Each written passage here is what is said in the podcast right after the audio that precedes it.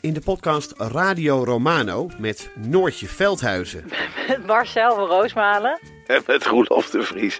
Brengen we alle drie elke week een zogenaamde signalering mee. Wat heb jij nou weer bij je? En aan het eind bepalen we wie de winnaar van de week is. Echt een angstcultuur. aan het Lege worden. huls die je er bent. Ja, dat gaat eigenlijk altijd onvriendelijk.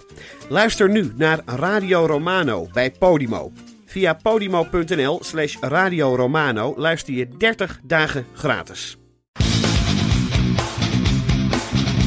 Dit is Mand, de kortste podcast van Nederland. Vandaag wil ik het gaan hebben over de natuur. René, heb je er wat mee? Zeker. Ja, ik las in de Eh, krant. Schitterend. Iemand die vulde jou eigenlijk aan met jouw Ach. constatering dat Mooi. de penis een duoprocessor is. Dat is mooi. Die zei, de penis is de antenne van het hart. M- Beter kan je niet Ja. bereiken. Ik heb Want- ook wel eens- mag ik ook nog een keer wat zeggen? Nee, in mijn want eigen als je podcast? hem dus- Godverdomme. Als je hem niet hard krijgt, dan betekent dat waarschijnlijk dat je binnenkort een bloedprop in je hart krijgt. Dus dan moet je Ach. gauw naar de dokter. Dat heb jij weer Ja. bedacht. Ja. Nee, dat stond erbij. Oh, Ja. ik denk al. Het lijkt me heel raar als jij dat verzint. Dit was Mand. Daddy, you okay?